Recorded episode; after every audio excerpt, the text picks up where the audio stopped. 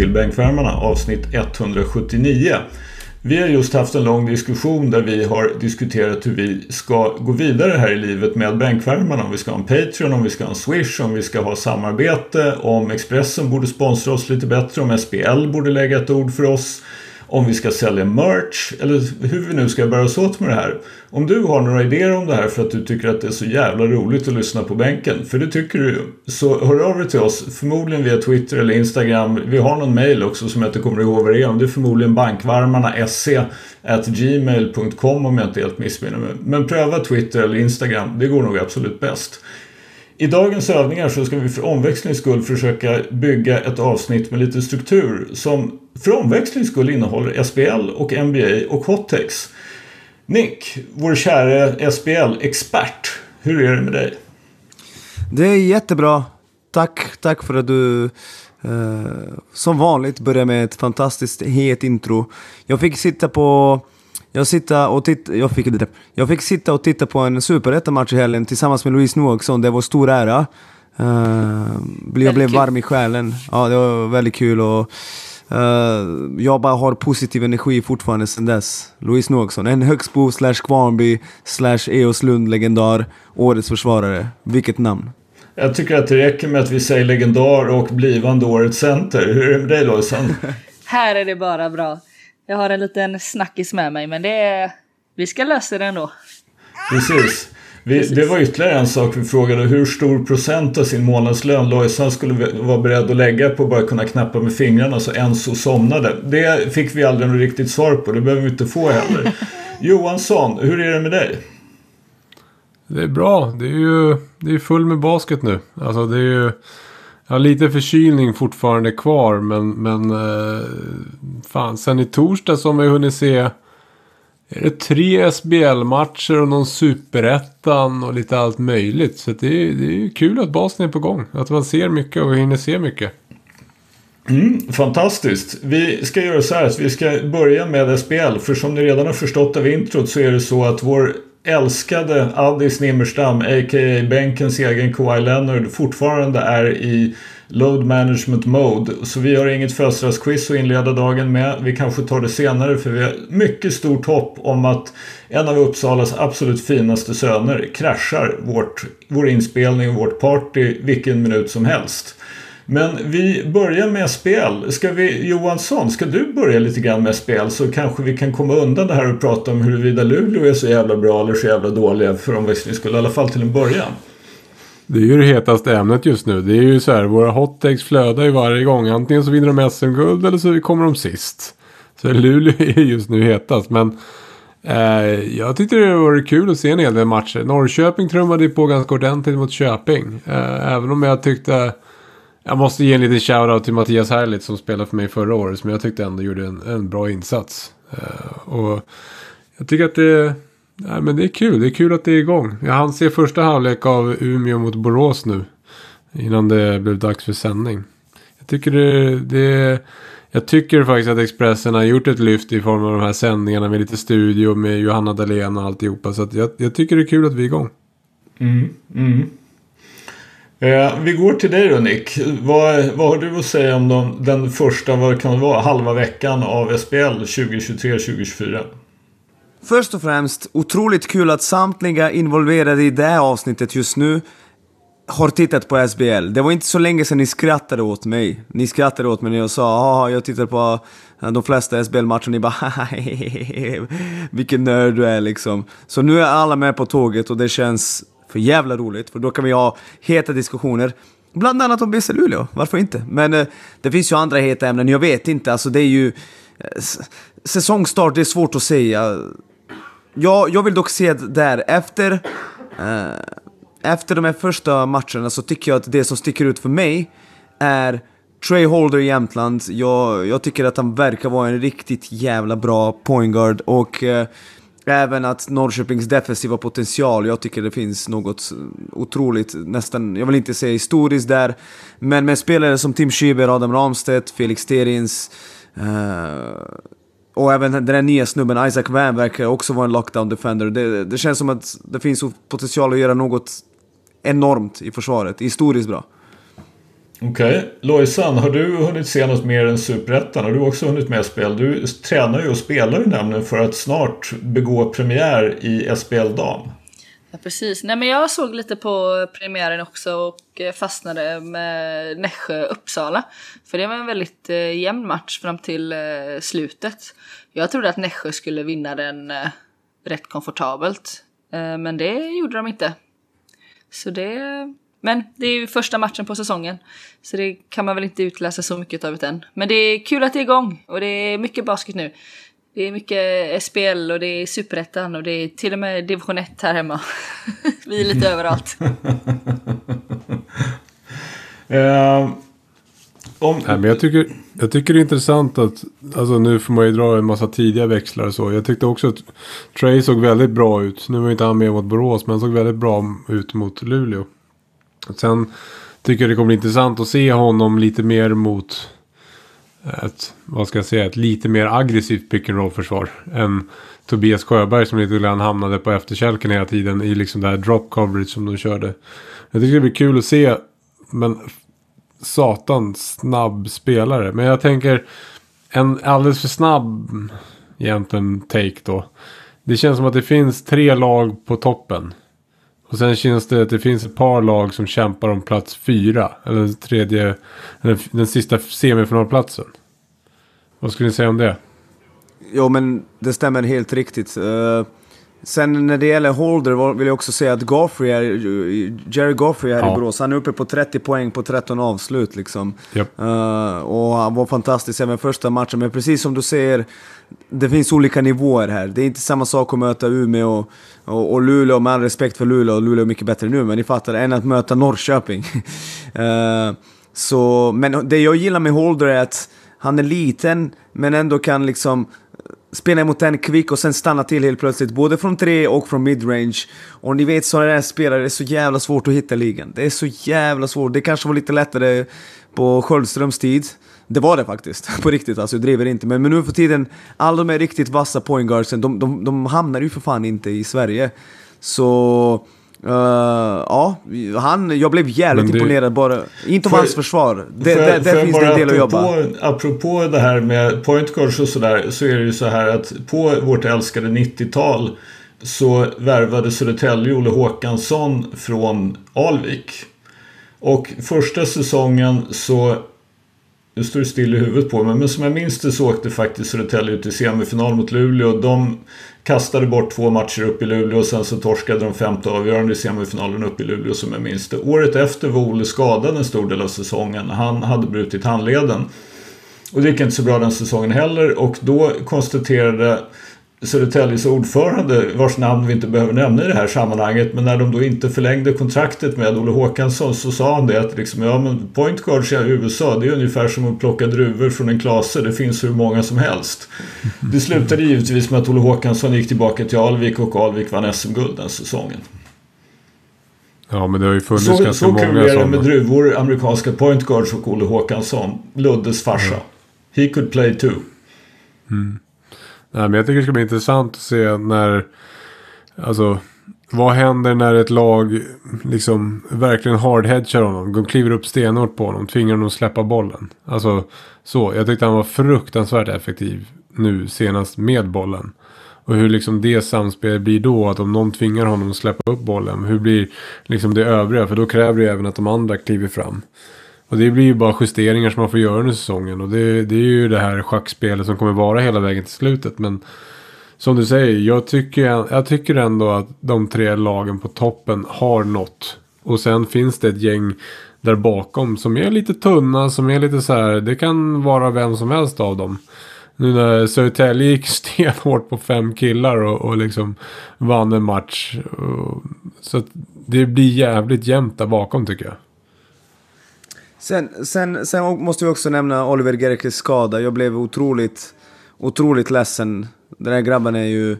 Alltså alla vi blev ju nästan skärmade av honom i somras. Fan vilken energi han hade på bänken där med landslaget. Verkar vara otroligt jävla bra grabb liksom. Så tredje knäskada, vi får se om det är korsbandet igen. Men man blir så jävla ledsen. Alltså det finns ingen jävla rättvisa. Eh, I idrottsvärlden. Ingen rättvisa. Varför han liksom? Alltså, ja, det är så jävla tråkigt och det finns inte.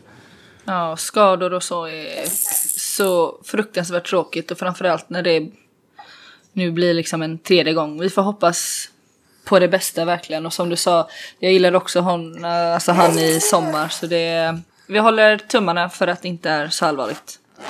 Eh, bara en sån här, en, en hastig då, det här med Södertälje på, på femman. Har de någonting liksom på ingång som kommer? För det är ju som du sa Nick där, eller var det du som sa det Johansson? Sorry. De har alltså Lazar på 34 minuter. Sen har de den nya spanske pointguarden Jorge Messias Mejes på 39.10. Palmblad på 36.09. Walter Boeriberi på 38.05 och Spires på nästan 37. Respekt för övrigt till Nick Spires som klippte till med 12 poäng, 11 returer och 9 blockar. Ungdomssatsningen är igång, äntligen. Efter så många ja, år vadå, har de bestämt sig. Är inte ens 30. Fan, kom igen nu. Ja, det är sant. Ge dem det, är sant, det så-. Det är en ungdomssatsning. Nej, så är det. Alltså nej, de är, Södertälje är ju... Jag, jag ska inte vara respektlös mot de här människorna som jag verkligen... Alltså den här klubben har massa människor som jag verkligen älskar. Men jag tycker att... Eh, snacka om att vara helt jävla vilse. Jag läste den här boken uh, Time Out och där stod det att Kjell Öst hade sagt att de hade 1800 ungdomsspelare på 80-talet. 1800 ungdomsspelare.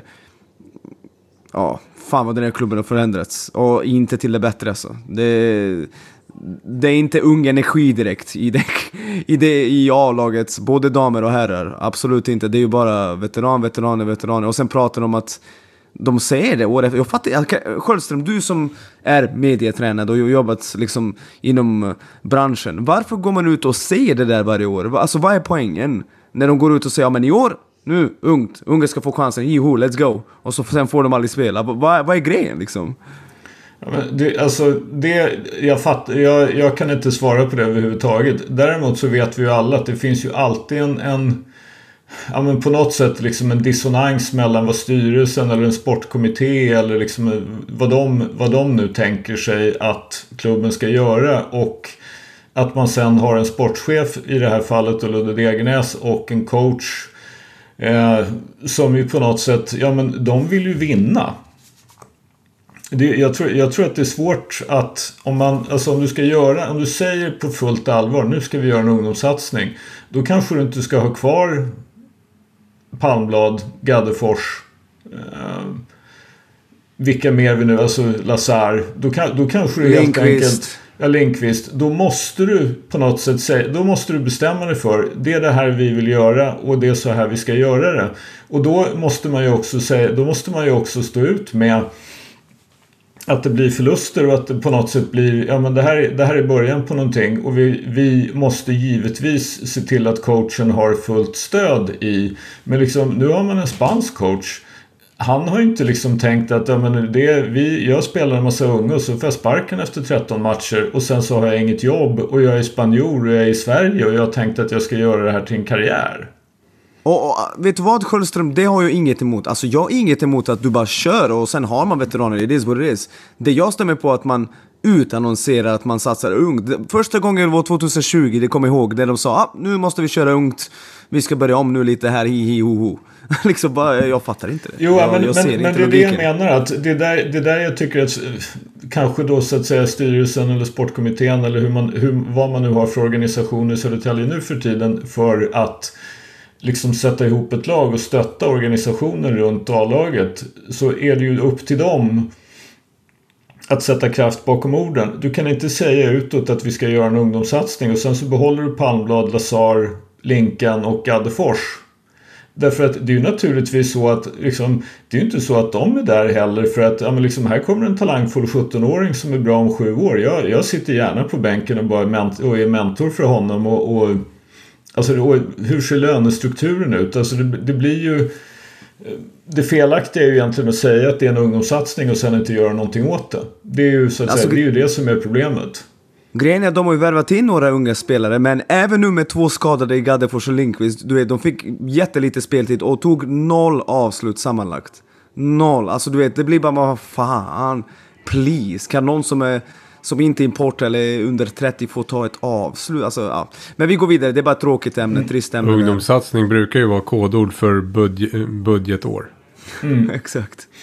Ja, eh, måste, så. måste ju ändå säga det att ett eh, så verkar ju ändå då föga överraskande Sergio Brugué tror jag man uttalar hans namn, är det inte så? Har ju hittat en spanjor yes. som är ganska vass i Jorge Mejia som hade 23 poäng, 7 assist och 5 returer på klart jag bra säger procent. nej. Jag säger nej. Jag har sett han spela hela försäsongen. Han har inte gjort en enda bra match. Nu kommer han in och exploderar, men det är väldigt mycket driv åt höger, lägga in layup. Jag tror att det där kommer bli scoutat och att han inte kommer att göra succé. Men, men shoutout till honom, alltså, jag blev chockad när jag såg att han hade så mycket poäng. Jag bara what the hell? Alltså han var riktigt kass under försäsongen. Bara 22 bast. Så vi får väl se. Men okej. Okay, Ungdomssatsning går... baby! ja, ja, men det, det är ju som sagt, jag, nu har inte jag kollat hur gammal den andra spanjoren är, Walter Riberi, men ja, de är väl förmodligen de två yngsta i det där laget av de som får någon speltid. Även han då. Men vi går vidare. Nu börjar vi faktiskt närma oss. Nästa vecka är det Media Day i NBA och jag tror att det är så att nästa helg, eller om det till och med är på fredagen, så börjar den första försäsongsmatchen mellan Dallas Mavericks och Minnesota Timberwolves i Abu Dhabi.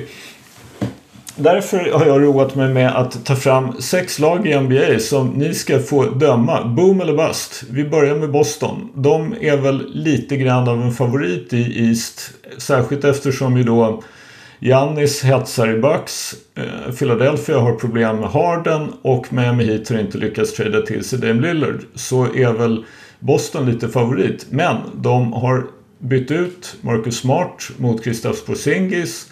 Och Porzingis har problem med en fot. Han lider av någonting som heter plantar fascit. Och det har Tim Duncan också gjort. Så det vet Henrik Johansson allt om.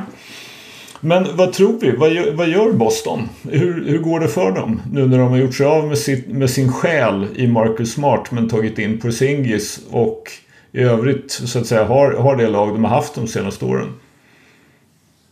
Alltså det är ju boom eller bust. Eh, det är ju liksom kanske nivåer till det här. Jag tror att de kommer vara de kommer ju vara konkurrenskraftiga nästa år. Sen kommer de kanske inte vara lika bra för att det de jag tycker att de saknar är någon sorts, alltså någon som skapar. Någon som gillar att passa bollen helt enkelt.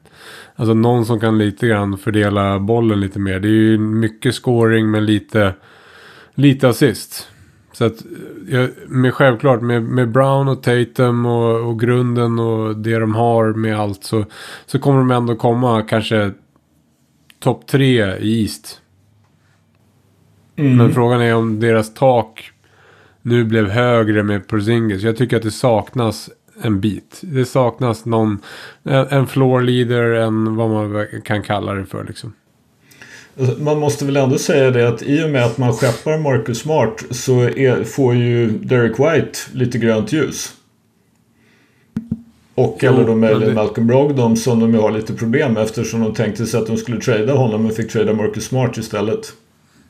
Jo, och det, men det kommer ju bli, alltså White är ju helt okej. Okay. Han är ju fantastiskt duktig defensivt och kan sätta lite öppna skott. Han är ju ingen som skapar för en utan det kommer ju handla om att Tatum måste kunna skapa ännu mer för andra. Och även Brown. Så mm. att, jag menar, de måste ju ha folk som inte bara kan skapa sitt eget skott. Utan de måste ju ha någon som kan skapa för andra också. Och det är väl det som blir nästa steg i utvecklingen kanske för Tatum då. Att, att faktiskt komma upp och konsekvent vara på 6, 7, 8 assist liksom. Och det handlar ju också mycket om vem som släpper bollen. Nu är det ju många spelare där som gillar att ta den, jabba, fejka, gå hem mot den. Liksom ett lag som har för många sådana har en tendens att bara dö ut. Det är ju också så att nu är det ju då dags för Second Row Joe som han lite elakt kallas emellanåt. Coachen Joe Missoula. Han måste ju på något sätt vara involverad i ändå att okej okay, nu gör vi så här. Och så har man Porzingis och Porzingis var ju väldigt bra i fjol i Washington efter att ha haft några tveksamma säsonger i, i Dallas. Han är vad han nu är, 7-3 eller om han till och med möjligen är 7-4 men det är kanske inte den bästa rim protectorn. Det har man Robert Williams och Al Horford till. Men han är ju en trepoängsskytt och han var faktiskt märkligt nog en bra post-up-spelare i fjol. Men som du säger, vem ska passa bollen i det här laget? Hur ska de få snurr på det hela? Vad säger du Nick? Ja, förlåt, vad, vad pratar vi om? Jag ber om ursäkt. Sitter du och tittar på Borås-matchen eller vad gör du? Vi pratar, Ja, precis, om, vi pratar precis. om Boston Celtics och hur det ska funka med Kristaps Porzingis istället för Marcus Smart. Ja men Christos Porzingis, ja men, men Porzingis har ju redan skadat sig liksom. Så jag, jag har aldrig gillat den traden, jag köper inte den traden. Jag tycker att eh, de är illa ute. De gav ju bort sitt lags själ, en spelare som jag inte riktigt älskar, det vet ni. Men eh, eh, jag ser dem ta ett klart steg bakom, bakåt faktiskt, eh, i år. Eh, och definitivt var bakom eh, Milwaukee. Försvann jag? Men vad Nej, du är fan. Nej då, Du är med. Du är med. Lojsan, är du med oss? Ja, jag är med. Ja, har du någonting på Boston? Nej men jag är inne på samma spår som er. Att jag, de kommer vara ett lag där uppe i övre tabellen. Men jag ser inte att de kommer vara ett lag som kommer, som kommer att eh, vinna allting. Och jag är lite tveksam på, på Porzingis för han... Kommer han hålla? Hur kommer det funka med Tatum och det? Och som, Sköld, eller som Johansson var inne på, vem ska passa bollen? För alla vill ju ha boll och liksom göra det själv. Jag tror att det var faktiskt ett rätt stort tapp med, med Smart borta. Så um, de kommer att vara ett topplag men inte ett uh, vinnande lag för hela NBA. Nästa lag då i East, det är ju dina älskade Cleveland Cavaliers Nick. Vad har du att säga om dem? De har ju, de har ju skaffat George Niang och de har kontrakterat Max Strus från Miami. Men de hade ju problem i slutspelet i fjol. Ja, jag hatade verkligen deras sommar. Uh, både Minnesota och Cleveland gör mig galna alltså för att jag tycker inte de gör uh, rätt moves. Uh, jag står fast vid Cavs-tåget, Minnesota-tåget, alltså det är så svårt. Ska man hoppa av helt eller inte? För Anthony Edwards är så jävla bra.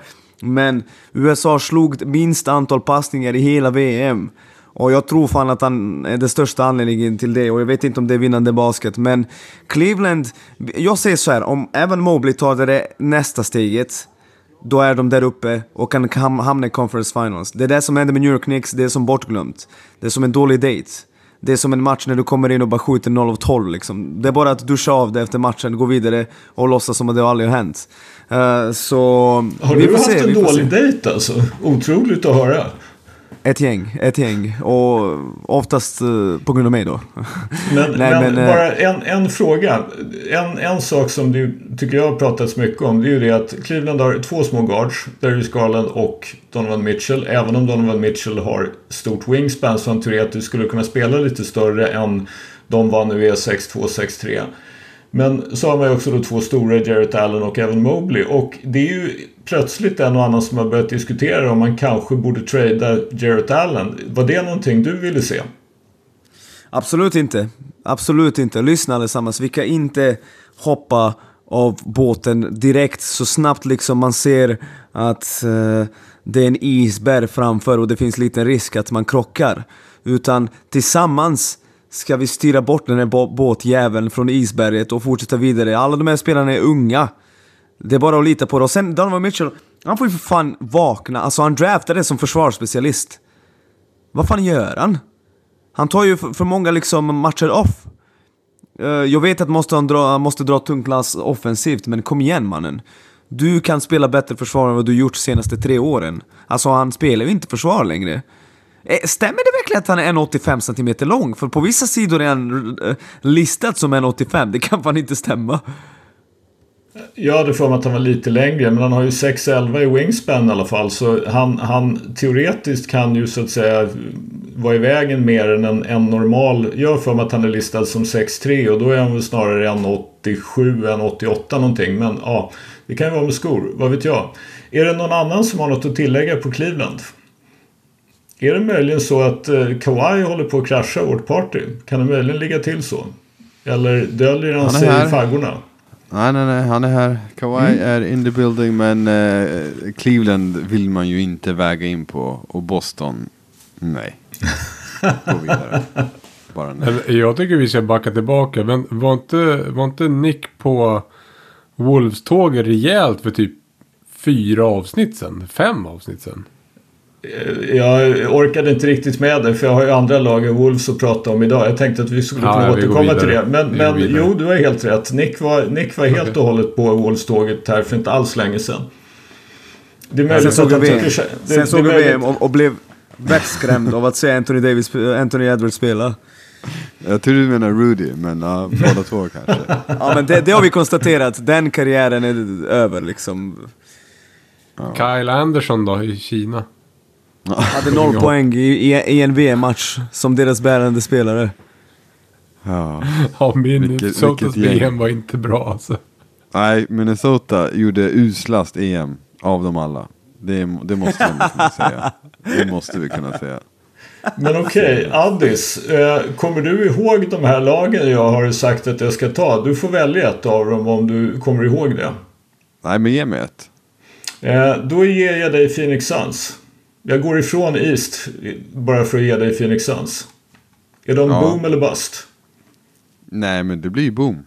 Det, det tror jag definitivt. De har ju ändå lyckats. Jag var ändå ganska imponerad med det lag de lyckades värva ihop eh, bredvid eh, KD och Booker. Så att eh, nej, det, absolut. Boom. Det går, ju, det går ju rykten om att de vill trada DeAndre Ayton och eh, optimistiska Portland-fans är ju att de skulle trada till sig Josef Nurkic istället. Just den är lite svårt att se men, men borde Ja, de den- trada DeAndre Ayton? Den ska de ju inte ta. Däremot så att du säger att det går rykten om att de vill trada Ayton.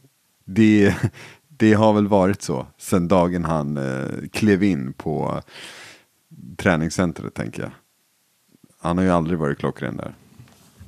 Han, var- alltså han var ju faktiskt ändå jävligt produktiv det år de gick till final. Det var ju i, i ett par matcher så spelade han ju liksom jämt med Anthony Davis innan Anthony Davis blev skadad.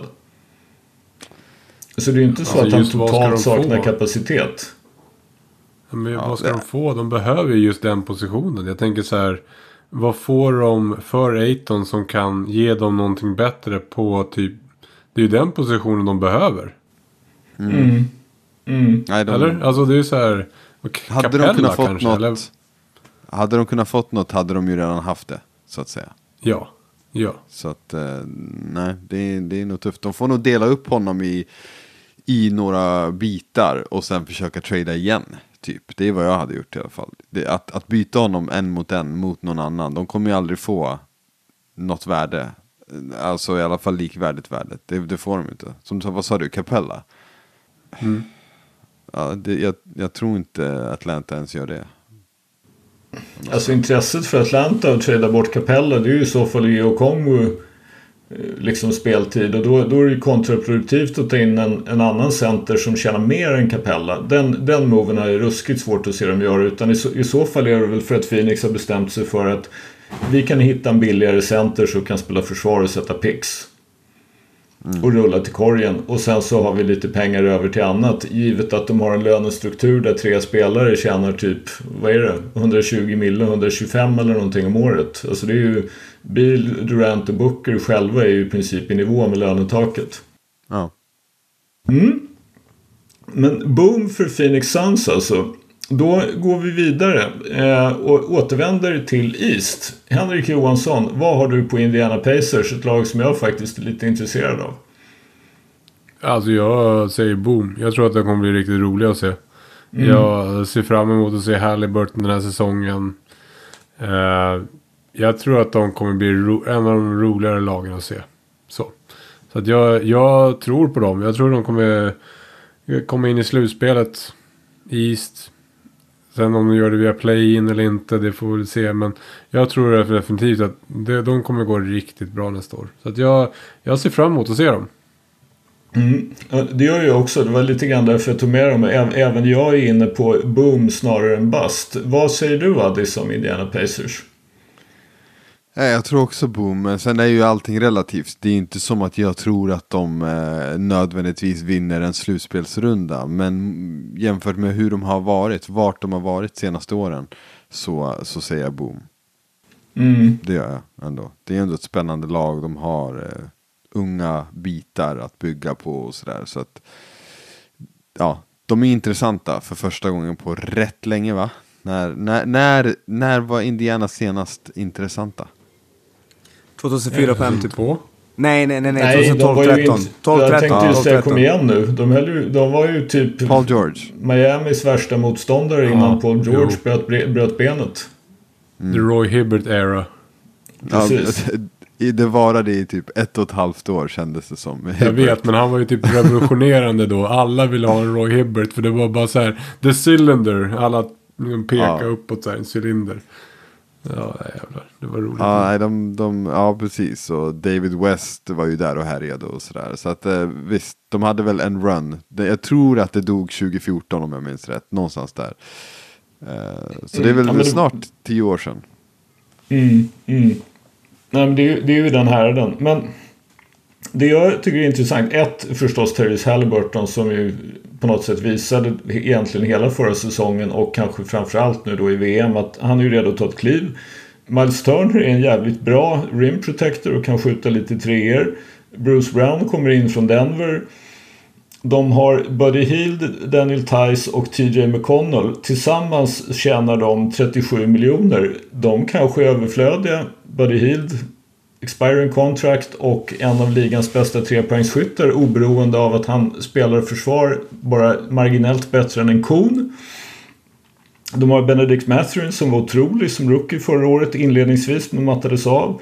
De har Nembhard och de har en bunt stora spelare. De alltså skulle ju kunna göra en trade och sen har de liksom en stomme och några unga. Det, jag tror absolut att Indiana kan vara på väg.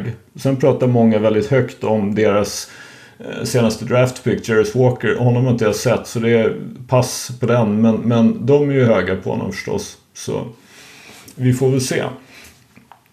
Nästa lag. Eh, jag är faktiskt sugen på att se, ni fattar ju förstås varför. Liksom. Dylan Brooks Island Baby. Houston. Vad har vi på Houston? Vad säger Nick? Men alltså, vi har konkluderat att det kommer vara en shit show. Det bästa som kunde, eller vet ni vad, så här ska jag verkligen inte uttrycka mig. Att Kevin Porter Jr är en idiot, det har vi vetat sedan tidigare. Alltså, jag förstår att man kanske brottas med sina egna demoner, men det han gjorde i somras och hans historia med att bete sig våldsamt. Ja, hur som helst, nu kommer jag ryka från Houston och jag tror faktiskt det är det bästa som kunde hända. Inte att han gjorde det han gjorde, utan att han försvinner från rotationen. För nu kan de fria upp det lite så att folk som Green och Brooks och så vidare kan fördela bollen lite mer naturligt. Men det kommer ju gå åt helvete.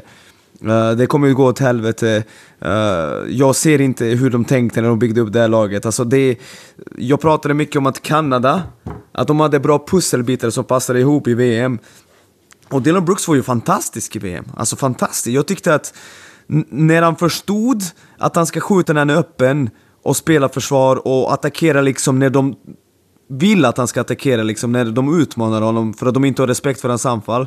Då, då var han riktigt bra. Sen när han tror att han ska liksom vara one of the main guys, det är då han är så sämst. Vi har sett honom ta horribla skott genom åren i Memphis. Så jag vet inte om han kanske inser, och vet ni vad? Jag, jag ska kanske ta vissa matcher 6 och avsluta andra 17. Men om jag ska liksom vara en rollspelare så tror jag att han kommer göra succé. Men Houston kommer vara shitshow. Är det någon som säger emot eller ska jag göra det?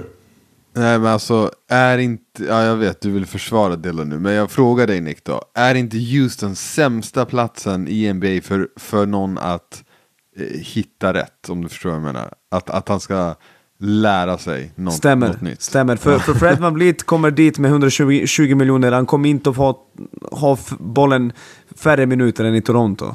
Uh, och vi vet att Jalen Green är ju deras projekt, alltså de vill att han ska ta typ 20 avslut per match, eller vill och vill, men ni fattar vad jag menar, han måste ju ha bollen i händerna. Alperen Sengun är en bra kreatör, alltså han är poor man's Nikola Jokic, jag tycker att anfallet bör gå igenom honom lite mer, det kommer definitivt inte göra nu. Så du har rätt, det kanske inte är me- mest optimala stället att uh, få sitt genombrott så att säga. Alltså, jag tycker att ni helt glömmer bort ett antal saker. Och börjar ju med Jimmy Udoka. Ja, de här strippklubbarna i Houston, kanske, kanske inte det bästa stället för Imi Udoka att coacha på med hans... Mannen eh, med disciplin, Doka. Alltså, du, Själv. du, du tror att Houston är enda stället i USA med strippklubbar för NBA-spelare? Nej, nej. Just checking. Alltså, bara för att James Harden gillade Houston så det, det betyder ju inte att det saknas strippklubbar på andra ställen i USA. Så ja. Men alltså ett, Fred VanVleet och Dylan Brooks är förstås dittagna för att vara veteraner och lära de unga vad det innebär att vara en NBA-spelare. Det vill säga träna hårt, att vara beredd och att också spela hårt. In, slut med det här lallet och dribbla upp bollen och liksom i princip bråka om vem som ska skjuta först. Sen såg dessutom Jabari Smith såg ju helt grym ut i Summer Just det, glömde honom. De har draftat Damon Thompson. De har Jalen Green som ju förstås är ett projekt men det är ju samma sak där. Oberoende av att Judokas personlighet och hans syn på sin disciplin jämfört med andras disciplin kan man ju möjligen diskutera. Men att han var ganska bra på att ställa krav i Boston och få spelare att gå med på att han ställer de kraven på honom. Det, det tycker jag det måste, man, det måste man ändå igenom. Så de har ju ändå en rotation med ett antal spelare som faktiskt är intressanta och utvecklingsbara. Så att ni säger shit show, så säger jag det tror jag definitivt inte. Går de till slutspel i ett loaded West? Nej, det tror jag inte. Men någon shitshow, det blir det inte. Har det varit shitshow de senaste åren? Ja. Och då tror du att det är i princip Udoka som vänder på skiten? Nej, jag tror att Udoka tillsammans med Dylan Brooks, Fred VanVleet och ett års utveckling på de här kan göra det. Ja, och som sagt, jag håller dessutom med dig. Det är otroligt tragiskt det, det här med Kevin Porter och det han har gjort. Och inte så mycket för Kevin Porter som den kvinna han ju då uppenbarligen har misshandlat svårt. Det är henne, det är hon som det är synd om. Däremot så tror jag precis som du Nick att det är bra för Houston att bli av med honom. För han verkar ju faktiskt mest vara ett problem på alla sätt. Både på och utanför planen. Oberoende av att han har massor med talang. Så liksom kan de bli av med honom då tror jag faktiskt att det bara är till hjälp. Så jag kanske skulle säga så här. De kommer vara bättre än Portland och San Antonio. Är det något mer lag? Utah kanske de tävlar med. Eller? Sen är det liksom stopp. Ja. Håller med. Äh, Det är ju inte, det är inte massor med lag som är dåliga i West precis. Det, så, så är det ju. Men jag Men tänker alltså, mer liksom... Oklahoma kommer ju vara bra. Dallas vet vi ju inte. Luka kanske gnäller sig ur serien. Det, slut, men det vet inte. Alltså, men, men någonstans så är det, det finns ju mängder av bra lag. Och jag kan se att de kommer på 12 eller 13 plats av 15. Men om man ser det så här. De vann 22 matcher i fjol. Hur många tror du att de vinner i år? 30? Okej. Jag tror på kanske något fler. Men tycker du att 22 till 30 är ett framsteg när man har de unga byggstenar de har? Ja, men då kanske de har turen att Portland ger upp några så att de kan få. alltså, Ja, vi får, Alltså- se, vi får väl se om de tjänar på att trada Dame eller inte så att säga i, i, i vinstkolumnen. Men ja, det, det, det kommer vi att få se. Eh, vidare då, i, i West så är jag faktiskt också intresserad av, jag tog inte något av de här superuppenbara lagen för det kommer vi som sagt att kunna återkomma till. Utan jag är intresserad av förstås Memphis Grizzlies. Addis, vad har vi på Grizzlies? Ja, det är lite svårt. Alltså, så här, vad... Hjälp mig nu då. De har ju tappat Dylan Brooks. Vad, har de förstärkt med någonting? Marcus Smart. Marcus Smart. Ja. De har ju tappat Tyus Jones och Dylan Brooks. Och sen så har de då tradat till sig Marcus Smart. Och sen så har de kvar då Jaron Jackson, Desmond Bain, John Morant som är avstängd de första 25 matcherna minst. Eh, Steven Adams lär vara tillbaka, Brandon Clark inte tillbaka. Och sen är det väl då frågan om de här Alltså som de har lite pro- projekten, alltså Jake LaRavia, David Roddy, Shea Williams, om de är redo. Alltså, ja. Jag vet inte hur mycket jag ser en eh, uppgradering då. Om man tänker då Tyus och... Eh, eh, vad heter tok? Smart. Eller Tyus och Brooks bort och Smart in. Ja, precis. Jämfört med Smart. då. Jag är inte helt säker ens på att det, det i sig är en uppgradering. Sen har de väl, de har väl signat Derek Rose, minns jag rätt? Jo, det har de. Det är korrekt. Ja. Men han är 35. Ja, jo, jag vet. Jag Och, vet. och fick inte ens minuter av Tibbs i fjol, så I don't know. Mm, nej, man vet Kän, inte. Känns ju mer nästan som att man har försökt att få dit en gudfader åt Ja. Perfekt. Eh, ja, nej, men, eh, jag tror att de kommer vara bra. Jag tror att de kommer vara eh, bra. Jag tror att de kommer vara ungefär lika bra som de har varit. Eh, däremot så ser jag inte spetsen. Nu missar ju Jamorant, eh, vad blev det? Första... 25 matcher, men det finns utrymme tydligen för att liksom fort, ha honom avstängd längre om man inte uppfyller vissa åtaganden eller vad man ska kalla det för. Men 25 Ja. matcher är han definitivt avstängd. Ja, och där var ju Tyus Jones eh, riktigt bra i hans frånvaro förra gången. Nu är det Marcus Smart. Jag vet att många här eh, gillar honom, eller till och med älskar honom i Sköldens fall. Eh, så. Men eh, jag eh, har ju alltid varit sval till Marcus Smart. Så att, eh, jag är inte helt säker på att han kommer kunna axla de första 20, 25 matcherna på samma sätt som de tidigare har gjort. T alltså tidigare, Grizzlies har ju typ haft ett bättre facit med, eh, eller utan eh, Morant senaste året. Visst har det varit så? De har ju varit rikt, riktigt bra i alla fall. Eh, Det, det är ju två år sedan hade de ju ett helt sjukt record utan Morant. Då var de ju typ 21-3 eller 21-4 eller något sånt där. Var, Mm. Ja. De var inte riktigt lika bra i fjol utan Morant. Men, men de klarade sig ganska hyggligt också. De gick ju som sagt 51-31 i fjol och var tvåa i West. Ja, precis. Men, men jag tror att Och- de vinner någonstans där också. Fem, 50-ish matcher. Kommer vara tuffa i playoffs. Men jag, jag ser inte. Jag ser en runda. Att man vinner en runda i så fall. Men, men mer än så ser jag faktiskt inte. Det är ju i och för sig en uppgradering. De rök ju väl i första rundan i år. Så att, eh, Ja, de åkte ju mot Lakers. ja, precis. Som de åkte mot Lakers. Mm. Oj, oj, oj. Ja, Johansson, vad tror du? Nej, jag, jag tror ändå på Memphis. Alltså, eh, grundserien blir svårt utifrån att jag missar och så. Jag tror ändå, alltså. Jag är ingen John Morant-fan, men jag gillar ändå Bane. Jag gillar ändå andra bitar de har. Så att jag skulle säga att de, kan, de har en stor chans att komma till, ja vad blir det, Conference Semifinals. Alltså Mm, vara topp vinna en runda. Ja, precis. Så jag, jag tror att de kan komma dit, absolut. De kommer ju tävla mot eh, några kända lag där. Men jag tror att absolut de kan komma där topp fyra. Mm, mm.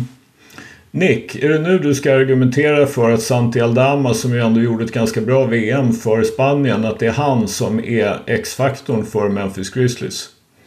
Nej, det är han inte. Jag, han är nice, jag gillar honom dock. Men eh, han är inte the difference maker i NBA. Han är långt ifrån det där. Eh, ja, jag, jag tycker att de fuckade upp. De byggde upp något otroligt bra. Sen var det några som spårade lite för mycket fame, lite för mycket pengar.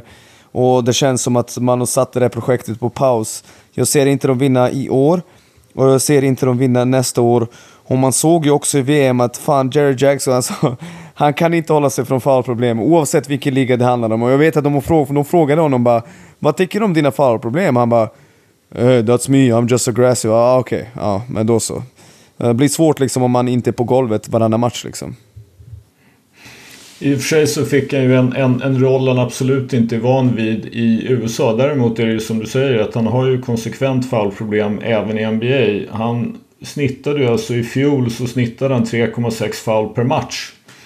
Vilket är ganska mycket. Kan man väl konstatera. Dylan Brooks till exempel snittade 3,3. För att Ja, sätta jag- lite jag- jag perspektiv skulle- på det hela. Jag skulle vilja se siffrorna med när Steven Adams är bredvid. För jag tror Steven Adams ändå är en ganska bra ankare. Alltså så. Mm. Så att uh, Steven, Steven Adams missade ju en hel del matcher förra året. Och han var väldigt viktig för dem. Så att det, det är ju det som är det största tillskottet som jag ser till den här säsongen. Det är ju egentligen att Steven Adams förhoppningsvis kommer tillbaka hel. Det, det är ju också så faktiskt att när Memphis i fjol spelade Brandon Clark och Jaron Jackson tillsammans så var ju deras siffror helt otroligt bra. Och Brandon Clark är ju borta i alla fall en bra bit av säsongen. För han slet om jag inte helt missminner mig korsbandet i fjol. Och det var ju då det var ju det som hände. Man ska ju inte glömma det att det var ju inte bara Jamorant utan det var ju faktiskt också så att Brandon Clark och Steven Adams eh, jag vill minnas att ingen av dem var med i slutspelet. Utan de fick lira Xavier Tillman och Jaron Jackson. Och det höll inte riktigt. Nåväl, vi ska avsluta NBA-segmentet i hastig takt. Fyra spelare, vad händer med dem under säsongen? Nick, du är Dame Lillerapoliet, vår främste. Vad händer med Dame? Vad har hänt med Dame Lillard? Jag vet inte om jag ska vara ärlig. Vad har hänt? Det som har hänt är att han... Uh, uh, alltså, han kommer ju hamna i Miami Heat. Jag är fucking less på den skiten. Allt det där som händer just nu, ja men helt plötsligt är massa andra lag intresserade, nej. Han kommer hamna i Miami och allt det där handlar ju liksom om hur mycket Miami är villiga erbjuda. Portland har inget bråttom, de väntar. Eh, de vill också helst skicka Dame dit, även fast de säger att oh, nej, vi ska skicka honom dit. Jag tror också att de tittar på det alternativet, för faktum är att alltså Miami har ju ändå okej okay grejer att ge. Det är det som är roligt. Alltså det är inte så att uh, Miami har ingenting att erbjuda, utan jag tycker att Stefan Jovic visade nu i VM, han är okej, okay, lovande, kan säkert bli bra rollspelare, nyttig rollspelare. Han är typ 2-10, spelar position 3 liksom. Uh, Uh, och så har de lite pick som jag har förstått rätt och, och, Tyler Hero. Jag vet inte ens om Portland vill ha just Tyler Hero, men ni fattar vad jag menar. Men Damian Lillard kommer hamna med Miami Heat. Skriv ner det. Och alla ni som tror på något annat, ni bara låtsas. Ni bara låtsas. Det han, han kommer hamna dit. Frågan är när. Okej, okay. Addis? Vad har du på situationen? Nej, han eh, hamnar hit. Håller med Nick. Eh, det är, all, det är, inte alltid, men nästan alltid så att spelaren får som mm, han vill. I NBA i alla fall. Mm, mm. Det Fråga Kawhi Leonard. Vad sa du? Fråga Kawhi Leonard. Mm. ja, vilken, vilken av dem? Eh, när han skeppades till ett annat land eller när han sen fick... Eh... Ja, när, när, när han... När som, som Pop skojar och säger så här, he wanted to go to LA so he sent, sent his ass to Canada. Ja, ja jo. Men där ska ju krävas att något lag är villig att ge upp någonting och det, stjärnorna ska stå rätt. Det, och, och, dessutom, Dame sitter ju och skickar liksom hotbrev till resten av lagen, typ varje vecka. Jag kommer inte liksom eh, rapportera till training camp om ni tradar för mig. Och det, det är ju något nytt eh, varje vecka känns det som. Eh, nya krav från Dame. Många krav från snubben som var Portland Lifer och eh, Love the Grind och allt vad han nu har sagt genom åren. intressant utveckling det där. Alltså, det är ju så, det, det som har dykt upp förutom det här med Miami, det har ju varit tyst länge. Nu påstås det ju plötsligt att alla möjliga lag är involverade. Men Mark Spears som ju har någon slags underavdelning eller vad man ska kalla det för på ESPN som heter Anscape och som ju har varit med länge. Han säger att Toronto är laget som är beredda att trada för Dame och menar allvar med det. Jag tycker det låter jättekonstigt. Jag fattar inte vad Toronto skulle trada för Dame för. Men det, det är besides the point. Men han anger då bland annat ett skäl till det här är ju att eh, Torontos GM Messiah Ujiri är gammal polare med Dames agent Aaron Goodwin som ju var den som skickade alla de här, eller i alla fall gick ut och sa någonting. Och NBA har ju försökt göra någon utredning om, om huruvida det här var okej okay eller inte. Men det är därför som då Toronto plötsligt då enligt alla initierade NBA-källor framstår som relativt eh, trovärdiga i, i det här sammanhanget. Jag hörde på en podd idag där det fanns två icke namngivna NBA Executives som räknar med att Dame är traded före Media Day, det vill säga inom typ en vecka. Vi får väl se. Johansson, var hamnar James Harden? Philadelphia. Okej. Okay. Addis, din gamla Daryl Morey-apologet och Harden-älskare. Var hamnar James Harden? Philly. Hamnar han där i fatsuit eller för att faktiskt spela? det är en bättre fråga. ja, det blir, kanske blir en fatsuit till en början, men eh, jag tror han blir kvar. Okej, okay. tror, du att han, tror du att han liksom tar sig samman och på något sätt tar skeden i vacker hand och faktiskt lirar eller att han saboterar Phillies säsong?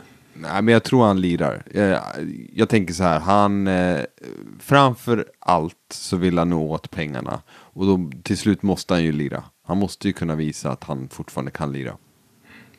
Eh, det är ju också så att om han faktiskt in, alltså han är, det här är hans sista år på kontraktet. Han optade ju in för vad det nu var ett kontrakt på lite drygt 30 miljoner. Men nu har man ju ändrat i kollektivavtalet i CBA och då är det faktiskt så att om han typ inte rapporterar och typ inte spelar för Philadelphia då har de rätt att hindra honom från att bli free agent till nästa säsong. Så det är ju inte så att han bara ger upp en säsong utan då riskerar han att ge upp fler och han är 34 va?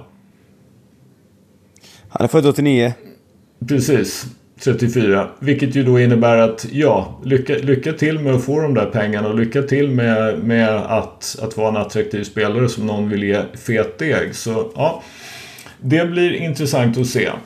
Eh, Nick, hur går det för Zion Williamson? Åt helvete. Det är precis som vanligt där. Uh, nu ska vi inte fat-shamea, nu ska vi inte shamea hans val av kvinnor i livet, men uh, uh, jag funderar på att hoppa av helt. Jag vet att jag vet hans potential, jag vet att han är enastående basketspelare. Faktiskt, alltså han, han är ju bra passare, alltså han kan lira, han är ju inte bara atletism.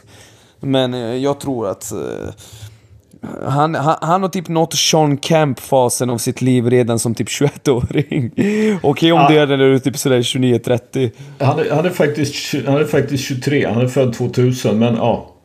Ja, så ja, det är inte bra. Not good. Okej, okay. är det någon som tror någonting annat om spelaren som förra säsongen på 29 matcher snittade 26 poäng, 7 returer och 4,6 assist på 60% shooting? Snubben är ju alltså, rätt bra. Potentialen är ju där men det är ju kroppen och allt utanför och allt så här. Jag hoppas, jag hoppas. Kan, kan man få se det här eh, gyllene snittet som folk ligger runt nu, runt 60 matcher. Då, då är det fan succé. Mm. Mm. Men jag tror inte på det. Okej. Okay. Addis, har du något att tillföra? Nej, håller med. Okej. Okay. Eh, sista spelaren då. Kyrie Irving. Hur går det för honom och Dallas Mavericks tillsammans med Luka? Ja. Åt helvete. Är, är spåkulan lite dimmig? Jag måste jag säga så här att jag, av någon anledning när jag tänkte på Kyrie här så tänkte jag på det här vi pratar om det här med effektivt spel i NBA och sådär. Det fanns ju en tid i Kyries liv då han satt och spelade in någon TikTok där Kevin Durant var med. Och Kyrie tyckte att han skulle ha åtta post-ups per halvlek. Those were the glory days. alltså jag, jag senaste veckan har jag även sett. Jag har sett en match som jag tycker är helt fantastisk. Som folk ska gå och titta på på YouTube. Det är Cavs Spurs 2015 tror jag det är. Kyries sista det... trean. Kyries sista trean, är det den du menar? Ja, han gör 57 poäng. Det är yes. Kawhi mot LeBron och det är Spurs ändå i sin liksom... Ändå hygglig bra nivå när det gäller liksom det här The Beautiful Game och allt. Fantastisk jävla match. Och Kyrie är helt otrolig. Men fan! Mer frustrerande människa vet jag inte om det finns. Så då kommer han och tillsammans med Gnäll-Luka spela tillsammans. Alltså, jag tror inte jag kommer vilja se någon Dallas-match. Ja, alltså vad är det som hände förra säsongen som fick oss att tro att det där kommer att funka? Uh, ingenting. Det gick ju dåligt efter Curry kom dit och Curry försökte vara en bra lagkamrat med hans mått mätt men uh, jag ser en åttonde plats ta sig förbi play-in och sen ryka direkt. Addis, vad har du på Dallas? Bättre än åtta och ut i första rundan eller ännu sämre? Vad tyckte du om deras sommar? Nej, jag, jag håller väl med. Det, jag har inte så mycket att tillägga. Alltså, det är väl någonstans där de hamnar. Jag ser inte höjden att eh, max vinna första rundan. Men jag tror inte det, men, men det är max jag ser. Luka kan ju gå bananas och eh, göra saker som ingen annan i NBA kan. Och då, då är det självklart att de kan vinna matcher. Vi såg ju när de slog ut Phoenix. Det var ju, det var ju eh, där och då sinnessjukt. Var det inte det? Egentligen då. Så att eh, det kan ju hända. Men jag ser liksom inte att de gör en run till finals eller något liknande. Absolut inte. Mm, mm. Okej. Okay. Eh, Alright, då är vi klara med det. Vem är det som har hot takes idag? Är det Nick som tar hot takes? Jag kan ta påtext från eh, Twitter och jag ber om ursäkt om vi inte hinner alla. Ni vet att vi lever för era hot takes. Men uh, uh, sanningen är den att vi hinner inte gå igenom alla just idag. Okej? Okay? Så vi får börja och ta upp uh, den här hot-taken. Uh, Dr J Sweden säger att Kramo är sponsor i basket i baltiska staterna, men i, och det är inte första svenska bolaget som sponsrar, sponsrar utomlands men inte hemma. Borde inte föreningarna göra ett bättre jobb mot sponsorer? Jag säger så här, Husqvarna av alla freaking företag är typ huvudsponsor för Charlotte Hornets och det sticker i mina ögon. Men samtidigt, var, var, varför ska de liksom... Varför ska Husqvarna uh, liksom sponsra bra i basket? Uh, när de kan sponsra Charlotte Hornets. Alltså förstår ni? Vi, svensk basket som produkt måste bli bättre för att attrahera de här sponsorerna.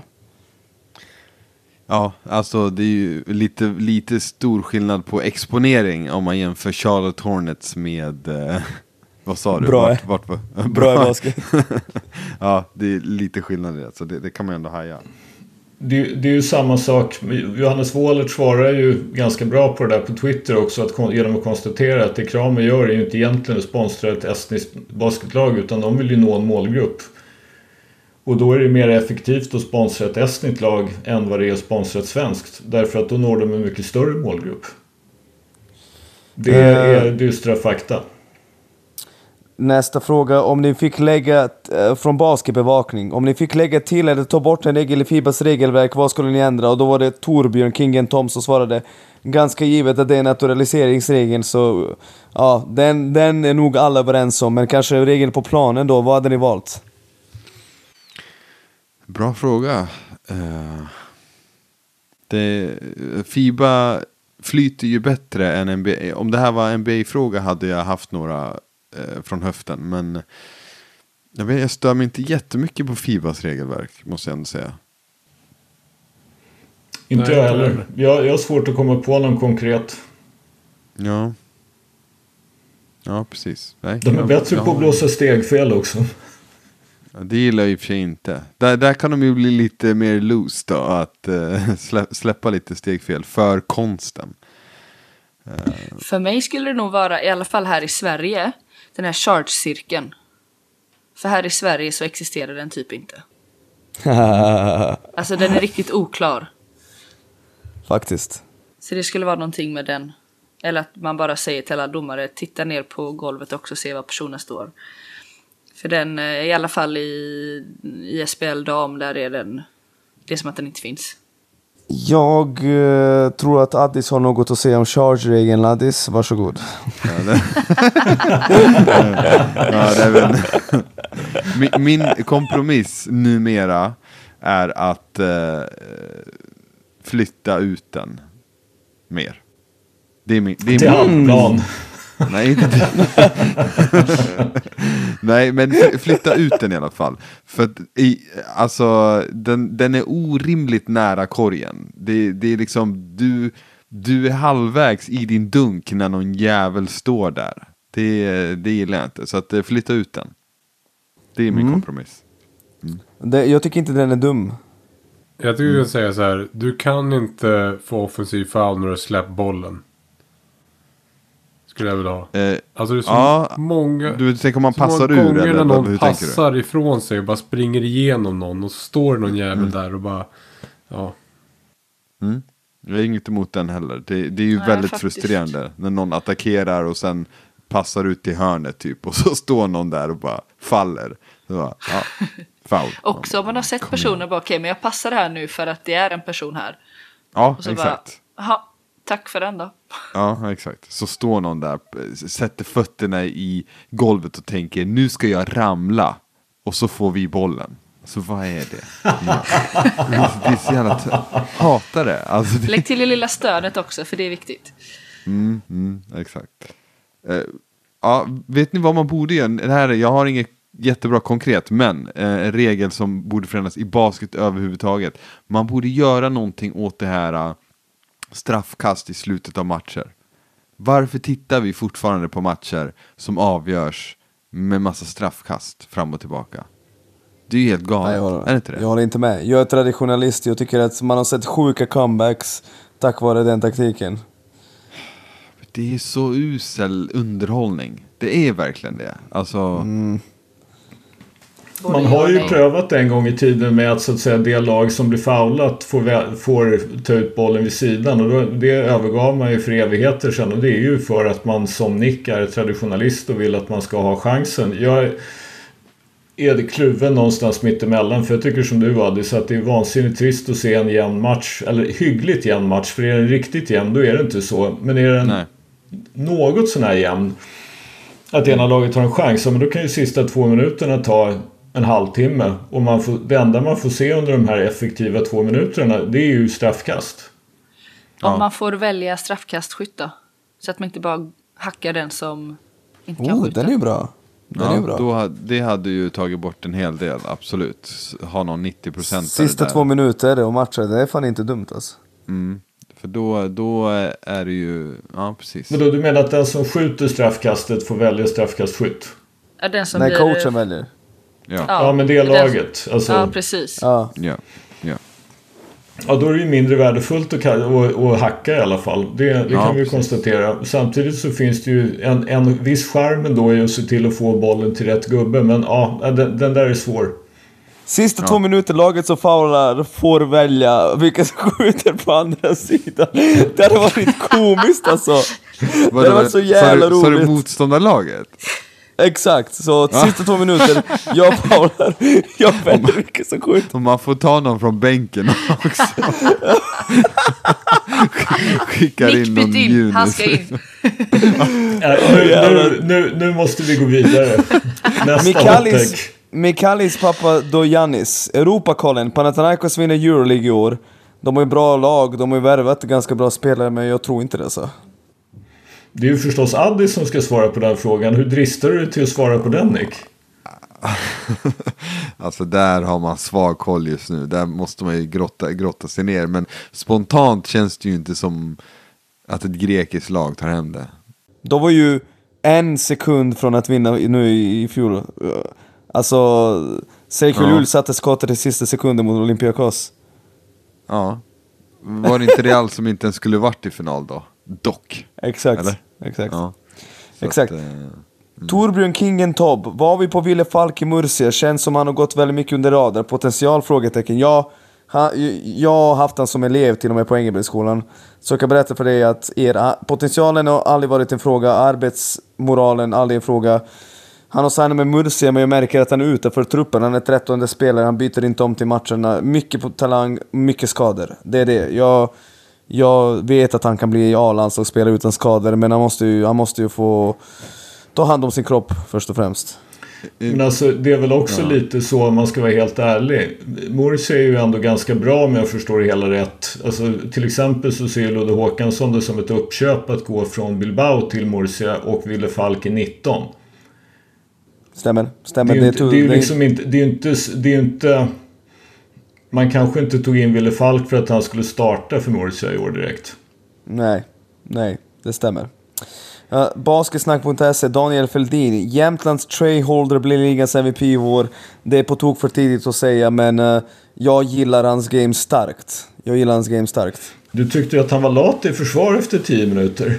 Ja, han, i hela första halvleken tyckte jag att, eh, och även i andra, alltså han, eh, han har ingen respekt för typ motståndarna känns det som. Tar inte fighten, kämpar sig inte genom screens och så. Men jag tror att Chuck kommer ju, ja, kommer ju, ja, att coacha upp honom, tror jag. Uh, Alexander Minic med en jättebra hot take. Dolphins kommer fortsätta vinna guld i flera år framöver. Möjligt att det blir 6, 7, 5, 6 i rad. Stort intresse, bra organis- organisation kommer leda till mer pengar. I sin tur bättre möjligheter. Riga är ännu ett plus för klubben nu. Jättebra hot take. Vet ni vad? Jag förlänger den här. Jag ser att Dolphins har potential att bli som Backen Bears i Danmark. Att de vinner typ sådär 15 på 17. Och nu säger ni säkert, vad fan babblar du om? Lyssna. Jag säger inte att det kommer hända. Men jag säger inte att det är omöjligt heller. För att de har verkligen så otroligt många pusselbitar på plats. Och nu, nu ser säkert någon, men inte ens Plannja vann ju liksom sju raka, utan det var ju år emellan, ja. Men grejen är att när de spelade så fanns det lag i Stockholmsområdet som investerade mycket pengar i att vinna titlar. Det där har ju försvunnit. Det är jätteviktigt. Varför är det viktigt? för att de där klubbarna kunde liksom värva hem folk från Stockholmsområdet. Det finns ju för fan en tredjedel av alla svenska eh, människor just där. Och som sagt, de investerade mycket. Solna investerade mycket. Alltså de gick stenhårt in ligan ser inte ut så där. Alltså Borås och Jämtland, de kommer aldrig någonsin att göra en sån där crazy ass satsning för att vinna guld. Det enda de tänker på är att vi ska klara oss tio år framöver och bygga liksom sådär väldigt sakta. Så jag tror att Norrköping har potential att vinna massa guld framöver. Jag håller med om det var 5-6 i rad. Jag säger inte att det kommer hända. Vi vet ju att en eller två skador kan ändra på allting. Men jag tror att de har en liten öppning att gå på en insane run om du fortsätter liksom ha över 2000 pers på läktarna, uh, bra kultur i klubben med bra coach och bra spelare. Alltså, jag får gåshud. Jag, det, här, det här låter ju faktiskt som eh, Celtics Boston på 60-talet eller någonting. det, är, det här är ju gåshud. Jag, jag älskar det. Tänk om de bara, tio raka liksom. Och där Spires är liksom Bill Russell och, ja, jag gillar det. Spires har gått till Södertälje. Ah, Men, just det. Shit, Ramstedt, förlåt. Fyra av fem ah, ja. kollar på SPL i alla fall. Det är good enough. ja, nej men eh, jag menade faktiskt Ramstedt. För han, han är ju faktiskt den som är eh, Bill Russell av de två. Alltså, vi, vi bara säga det Addis, du har ju missat det. Men Spires hade nio blockar mot Nässjö. Ja, ja, ja, det säger jag ingenting om. Ta det lugnt nu själv. Alltså bara apropå vem det är som Bill Russell. Fast ja, men... Ramstedt var ju den som Bill Russell när han spelade i Norrköping faktiskt. Ja, jag, och... säger, jag säger ingenting emot det, men nu är ju Spires fri. Ta nästa nu och ge någon annan chansen att svara på den och ha inte en tre minuters utläggning efter den. Gustav Bjäresten, vad tycker ni om Jämtlands flow tamba? Varsågod uh, Johansson. Upp och ner, lite ojämn. Känns lite fortfarande otränad. Uh, tror att han kommer bli bättre och bättre. Sköldström, skjut. Jag gillar namnet. Jag har inte Noaksson, sett Jämtland i år så jag, jag, jag, får passa på den. Jag har bara sett lite highlights. Noaksson, skjut. Jo men det... Jag gillade det jag såg. Uh, och Addis, jag ska inte fråga dig utan jag skickar vidare frågan till Nick Rajic. Uh, stor, ur form, dåliga händer. Jag tror att han bara på sin storlek kan ändå vara nyttig, men jag vet inte fan om han... Ja, det... Han vad kommer komma in Steve... Vad, vad heter han som spelade för två år sedan så, tillsammans med CJ Wilson? Steve Harris. Det är ingen Steve ja. Harris det där. Uh, vi går vidare. Omar Khayyam med världens längsta hot take. Uh, svensk basket växer. SVT sänder mer basket i år än någonsin. Damerna är rankade topp 20 i världen. På här jag tror de åkt ner nu. På här sidan finns några potentiella NBA prospects och flera start starters i världens näst bästa liga ACB. Utmärkta förutsättningar för både herrar och damer att komma till EM-slutspel, men tydliga tecken på växtverk. växtverk. Planer, tider, tränare räcker inte till. Gymmet sponsorintresse, antalet lag minskar i SBL. Stora städer är inte representerade på högsta nivån på här sidan. Ligan verkar inte göra ett bra jobb av att utveckla unga spelare. Hur ser ett åtgärdsplan ut? Och så glömde jag en av kärnfrågorna. Flera av våra landslagsspelare ställer inte upp för att spela i landslaget. Jag minns inte att det har skett på samma sätt i någon annan lagidrott i Sverige. Sköldström, skjut. Uh, den är ju så lång så det är, det är svårt att ta. Men alltså det här med landslaget, det, det, är ju någon... Alltså, det kommer ju säkert att ta tid och det kommer ju säkert att bli svårt just för att vi har... Eh, vi har det spelprogram vi har. Vi har egentligen ingen möjlighet att skapa ett landslagsprogram på samma sätt som man har haft förut. Utan nu är det ju på något sätt så att men vi spelar de här kvalmatcherna. I bästa fall kan vi möjligen då om vi tar oss till ett EM så tror jag faktiskt att men då kan man möjligen få till att man har liksom en lite längre samling och att man har ytterligare ett par träningsmatcher. Men som det är just nu så spelar vi så få, landsla- så få landskamper att liksom out of sight, out of mind. Alltså ett, ett bra år spelar vi sex landskamper. Alltså vad är det? det jag tror, jag tror att vi får lite grann vänja oss vid det här. Förhoppningsvis ser det väl inte ut som det gjorde senast. Men att vi kommer att ha ett antal personer, ett antal spelare som tackar nej till att spela i herrlandslaget av olika orsaker. Det, jag tror att den är svår att komma ifrån. Eh, allt, allt det här andra, jag är ändå lite försiktigt optimistisk för att det, alltså det här med hallarna och så att säga möjligheter då liksom att få till ledare och tränare. Det tror jag att visar det sig att det finns spelare så förr eller senare så brukar man ändå kunna få folk att ställa upp som ledare. Det kommer att gå, vara lättare att skapa utbildningar för att få till ledare. Där, där är jag inte helt ooptimistisk utan det intressanta är just om vi växer, om vi syns mer på TV, om det blir fler som vill spela. Då får man oftast mer tider i hallarna också därför att då blir det en fördelningsprincip. Då tar man, ja, har man fler aktiva, fler medlemmar, då fördelar man om lite grann tiderna i hallarna. Och då kommer det ledare och då blir det förhoppningsvis ännu bättre. Jag, tycker det finns många liksom, ljusa stråk på horisonten ändå. Sen är det ju lite grann nyckelfråga. Det är ju att samtliga se till att vi faktiskt får fler som är utbildade ledare. Det är bara då det kan ske den typen av utveckling och då tror jag att det blir roligare för spelarna också. Så det, det är ju på något sätt en nyckel. Jag vet att förbundet jobbar rätt hårt med den frågan. Uh, fantastiskt, fantastiskt Skölden. Du sammanfattar precis det alla vi andra tänker. Uh, Bänkvärmarnas motståndare, nice namn på kontot. Uh, I vilket lag hade ni valt Damian Lillard ifall vi fick välja? Hmm beror väl, beror väl delvis på vad, vad de så att säga vad det här laget där han hamnar måste ge upp för att hamna i. Men alltså de två lag som ju känns mest intressanta det är ju alltså om man tänker sig dels Dame i Miami med Jimmy Butler och Bam. Eller Dame i Philadelphia med Joel Embiid och jag menar, ja, det kommer ju inte att hända. Portland tar ju naturligtvis inte James Harden liksom. Men, men, om man bara tänker sig att det skulle funka, att vi kunde byta Dame mot Harden. Då skulle det vara klart intressant. Uh, ja, Milwaukee vill jag ha honom i. Oh. Vad sa du? Milwaukee vill jag ha Det hade varit nice faktiskt. Det hade suttit fint Han och Giannis. Mm. Den gillar jag. Ja, vi har redan pratat om Dame så vi går vidare och eh, uh, Abdullah Yassin, sista från Twitter, han eh, ha, har hävdat det här sedan eh, 21-22 med Pierre Hampton blir MVP i SBL i år. Vi får se hur många matcher han missar med skadan, men missar du matcher så är det ofta så att uh, du har svårt att vinna MVP. Plus Förra året spelade han bara 26 minuter per match. Det, för, det gör det svårt för honom. Vi har inte haft en MVP på 26 minuter per match någonsin, tror jag inte. Så ja, det blir svårt för Pierre, men jag tycker att han är ligans bästa spelare ändå, faktiskt. Alltså, Johansson, håller du med mig om jag säger det? Om att han är ligans bästa spelare? Ja. Ja, men han är nog en av dem. jag tror han skulle ha en rimlig chans att vinna det om det är så att han spelar hela säsongen. Uh, men det är väl lite mer att normalt sett så kanske MVPs mer hamnar i den offensiva kategorin än snarare än den defensiva. Att, han var ju nära att vinna ja. förra året. Nej, han var ju tvåa. Han skulle kunna vinna. Vad sa du? Okej. Okay. Han var ju tvåa förra året. Uh, mm. Gustav Hansson blev ju etta i omröstningen. Nej, jag tycker han är bäst.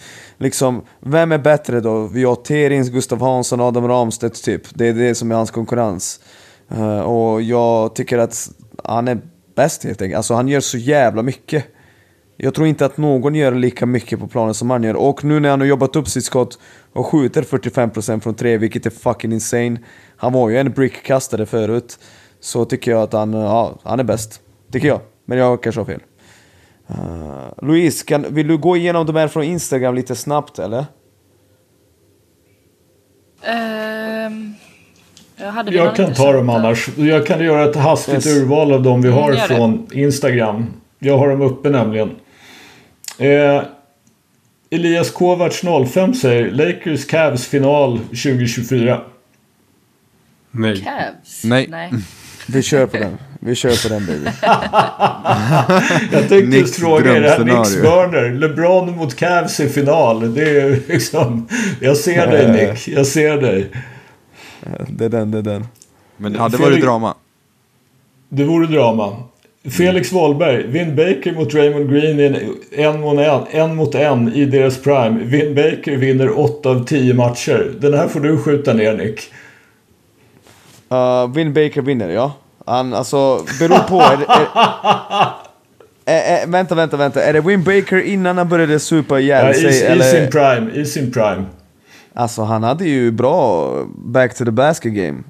Faktiskt. Ja, alltså jag ska säga så här. Jag såg faktiskt klipp från eh, Milwaukee Bucks träning häromdagen. Och han är, ju, han är ju där och jobbar individuellt med spelarna. Och han jobbade med Jannis och eh, han såg ju bra ut. Han dunkade till och med.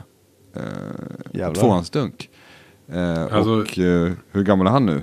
Han måste vara närma sig 50. Sex. Baker är 52. Han är född 71. Är- Eller 51. Är Han kan bara 70. 52? The fuck? Ja. Men sen ska det sägas i en mot en så är det ju så att oftast, alltså, den offensiva spelaren vinner. Då vinner Win Baker. Ja, och Baker var en bättre offensiv spelare än Draymond. Så jag tror inte Draymond skulle, alltså jag tror inte han skulle vara den mest fantastiska en mot en spelaren så, även om han är duktig defensivt. Helt rätt. Håller med. Varsågod Sköldis. Jag tror han har mutat. Nej, men Baker är ju klart större. Jag, tyckte du sa varsågod Addis. Baker är ju klart större. Han är ju väl 2,10 eller något sånt där. Det är klart det är svårt att försvara sig då om man spelar en mot en. Jag bara garvar åt att i SPL så har utvecklingen varit så fantastisk att alla i SPL är bättre idag än vad de var förut. Men Vin Baker slår Draymond Green enkelt i 1-1. Eh, nästa Jag, hot jag, take. se, jag säger så här, Håkan Larsson hade mördat Tim Schiber en mot en. Det hade han gjort. Okej. All right. Men inte på Good. golvet. Inte fem mot fem. Ma- Maja Kansund säger NBA Playoffs borde bara vara max tre matcher istället för, istället för sju. Det hade gjort det mer intens. Nej, aldrig. Alltså jag vill ha det i första rundan i alla fall. Ha... Nej. Nej, det är inte inte? rättvist Nej, det är för alltså. lite. Ja men fem då. Sju för mycket. Sju Det var för ju jag fem, det var ju fem Ja. fram till 2001 va? Ja i första rundan var det det. Ja. Ja, men det Till kan jag 02 gå med tror jag det på. Men tre är för lite. Nej. Alltså, det grejen säger är, jag också. eller, jag tycker ju liksom att lite, någonstans är det ju motvilligt måste jag erkänna att Addis har en poäng i att regular season matters less i alla fall. Och då är det jävligt tråkigt att göra slutspelet kortare. Jag tycker att det saknas inte intensitet i slutspelet. Det är ju första rundan skulle man kunna ha fem för att göra det lite mer intens. Det, det tycker jag faktiskt skulle vara helt okej för det blir det en sweep så blir det en sweep. Då blir det 3-0 istället för 4-0. Det är en serie man liksom på något sätt kan vara utan. Medan däremot om the underdog råkar vinna en match, då är det ju lite bråttom. Då blir det intens eftersom det är först till tre. Så i första rundan kan jag tänka mig bästa fem, men aldrig bästa tre. Eh, Sista som Addis får skjuta på. Om LeBron var före Jordan hade det inte varit något snack om vem som är GOAT, säger Tim Marklund.